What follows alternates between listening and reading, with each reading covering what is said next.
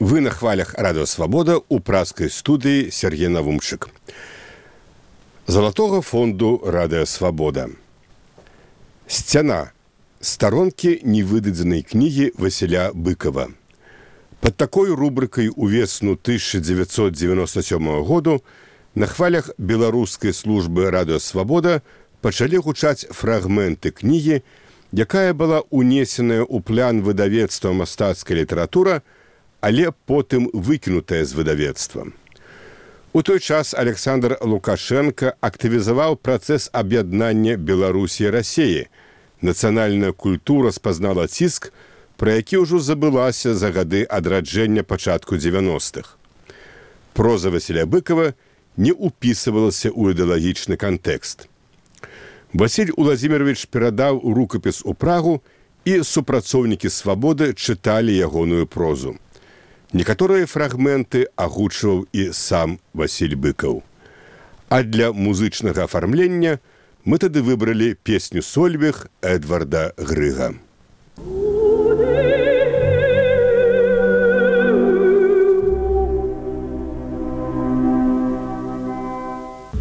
Палітрук каламеец. Фрагменты апавядання. У полк, які абараняе ўшчэнт разбіты чыгуначны раз'езд, прыехаў конна даручэнец камдыву і прывёз загад сталіна нумар 227 под назовам ні кроку назад. За невыкананне загаду пагражае трыбунал. Палітрук каламеец разам з байцом арцюхом накіроўваецца ў суседнюю станіцу за падмацаваннем. Яны дабрылі ў начной цемрадзе да станцыі і за полем сланечніку у садку не так убачылі, як адчулі ціхае варушэнне мноства людзей. Палітрук, пытаючыся ў начных сустрэчных, знайшоў у суседняй хатцы камандзіра гэтай маршавай роты гаваркога малодшага лейтэнанта, які тут жа патлумачыў, што мае загад усю роту перадаць у ягоны палітрукоў стралковы полк. Каламеец пацікавіўся, які то народ. І малодшы лейтэнант патлумачыў, што ўсе з запаснога палка, які фармаваўся на саратаўшчыне, усе нядаўнія запаснікі. Моладзі мала, болей людзей сталага ўзросту. У запасным павучыліся месяц другі, атрымалі вінтоўкі і на фронт. Балазе цяпер недалёка. Фронт прыкаціўся пад самыя сцены саратаўскіх сёлаў. Так што Так што з гэтымі водзядзькамі, што абселі садок і падворак і ціха з затоенай увагай пакурвалі свае самакруткі і трэба ісці ў полк, абараняць раз'езд. Заўтра ён будзе перамагаць ці паміраць, ваяваць не маючы права адступіць і на сотню метраў, як сказаў учора даручэнец камдыва і як патрабуе сталінскі загад.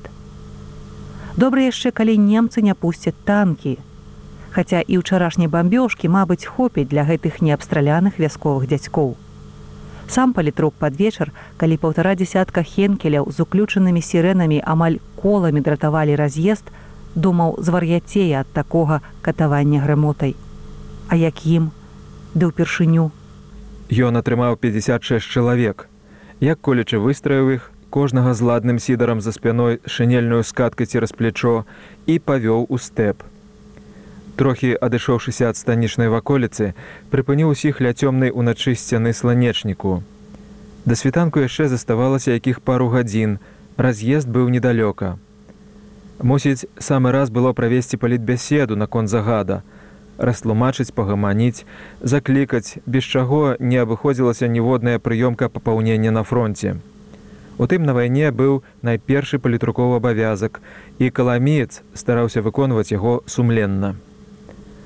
Іншая справа як тут гаварыць якімі карыстацца словамі каб дайсці да салдацкага сэрца калі вораг побач часу абрэз а зброя. Ці хоць дакапаліся там да вады з трывогай падумаў палітрук а то заўтра застануцца без кулямётаў і тады ніякі загад не паможа нават сталінскі.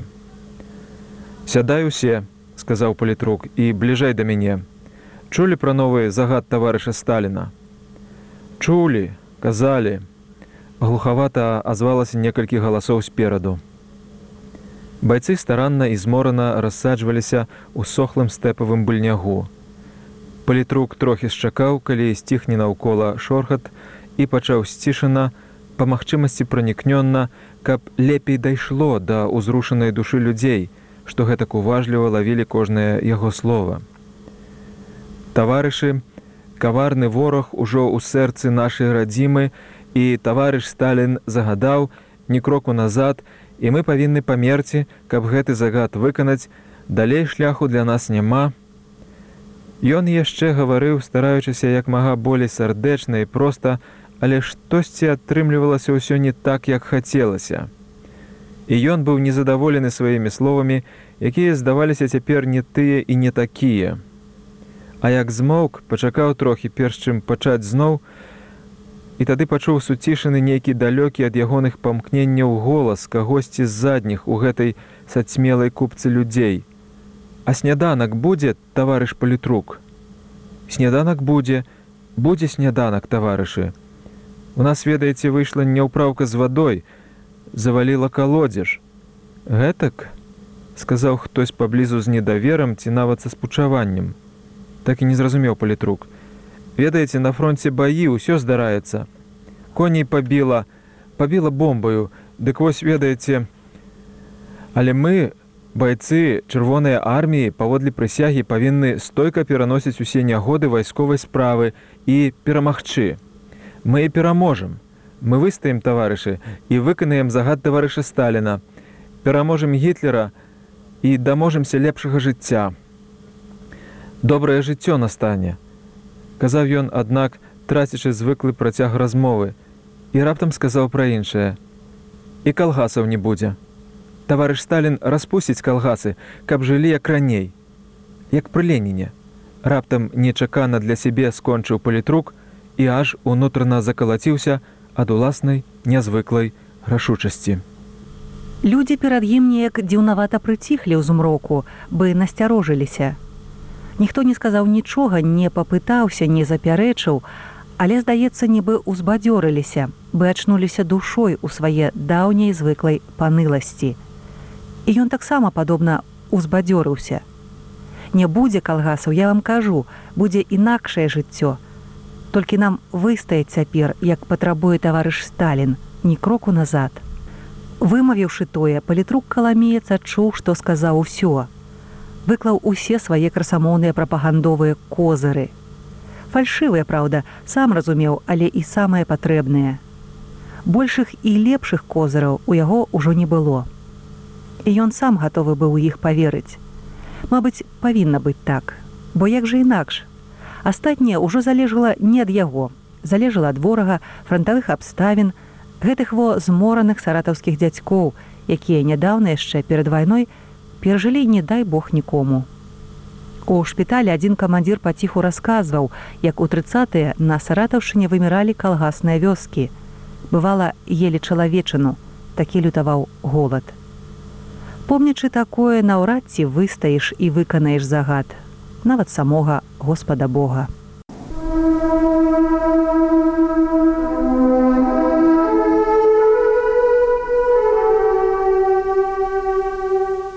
Шмат хто з байцоў той дзень так і не паснедаў. Некаторыя не паснедалі ніколі.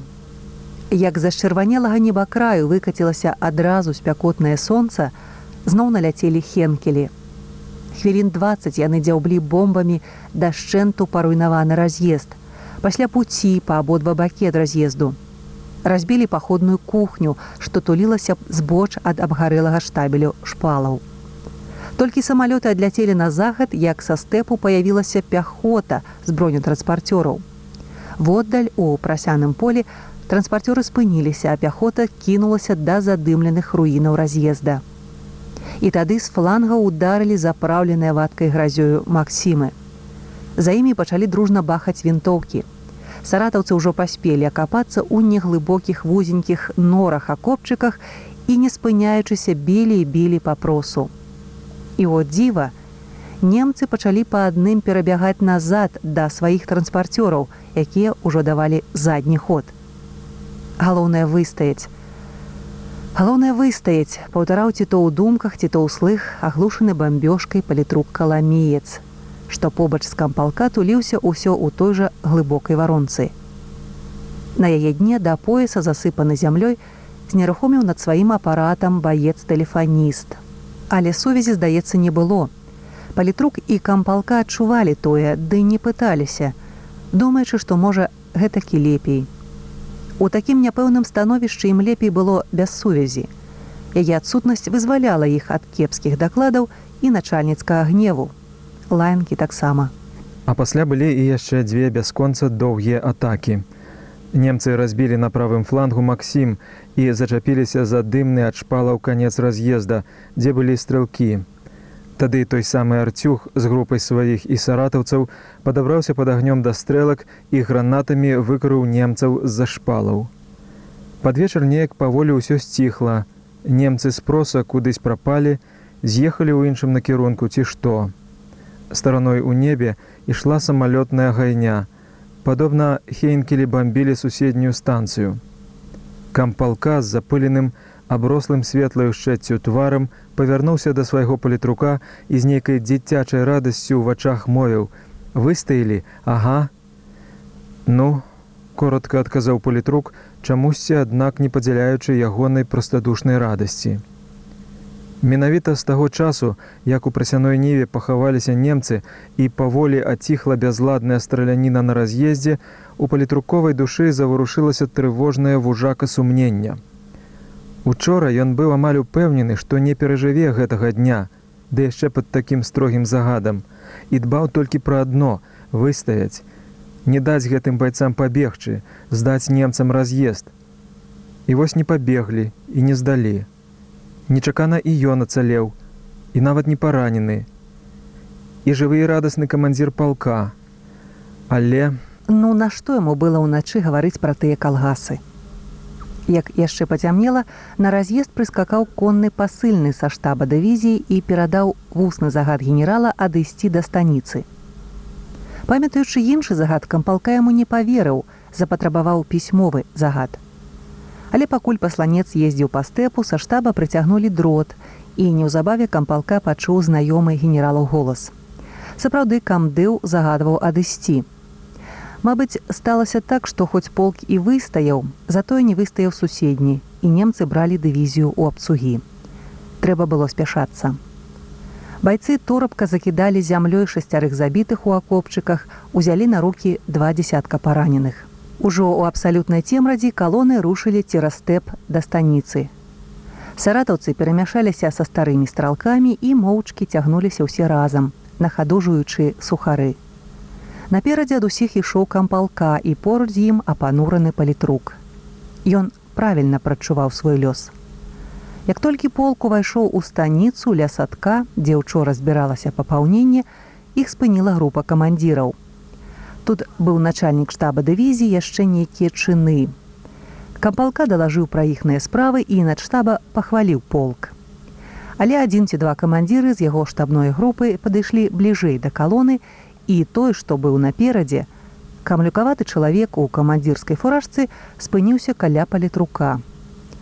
Каламеец, нягучна спытаўся ён, зблізку ўзіраючыся ў палітрукоў твар. Я прайдёмце са мной. Каламеец зразумеў усё. То быў начальнік асобага аддзела дывізіі. Той аддзяліў палітрука ад палкавой калоны і павёў кудысь на падворак да хаты, сцяна якой цьмяна бялела за кветнікам. Болей палітрука каламійца ў палку не бачылі.